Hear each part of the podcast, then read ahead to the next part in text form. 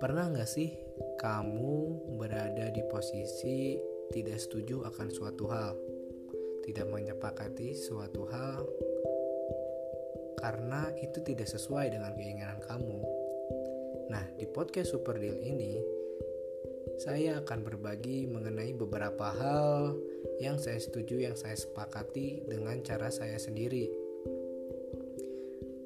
bisa jadi hal ini terjadi pada diri kamu, pada lingkungan kamu, dan pada orang-orang sekitar kamu.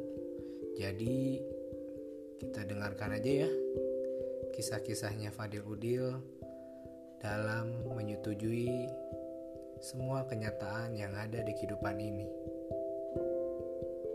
Terima kasih.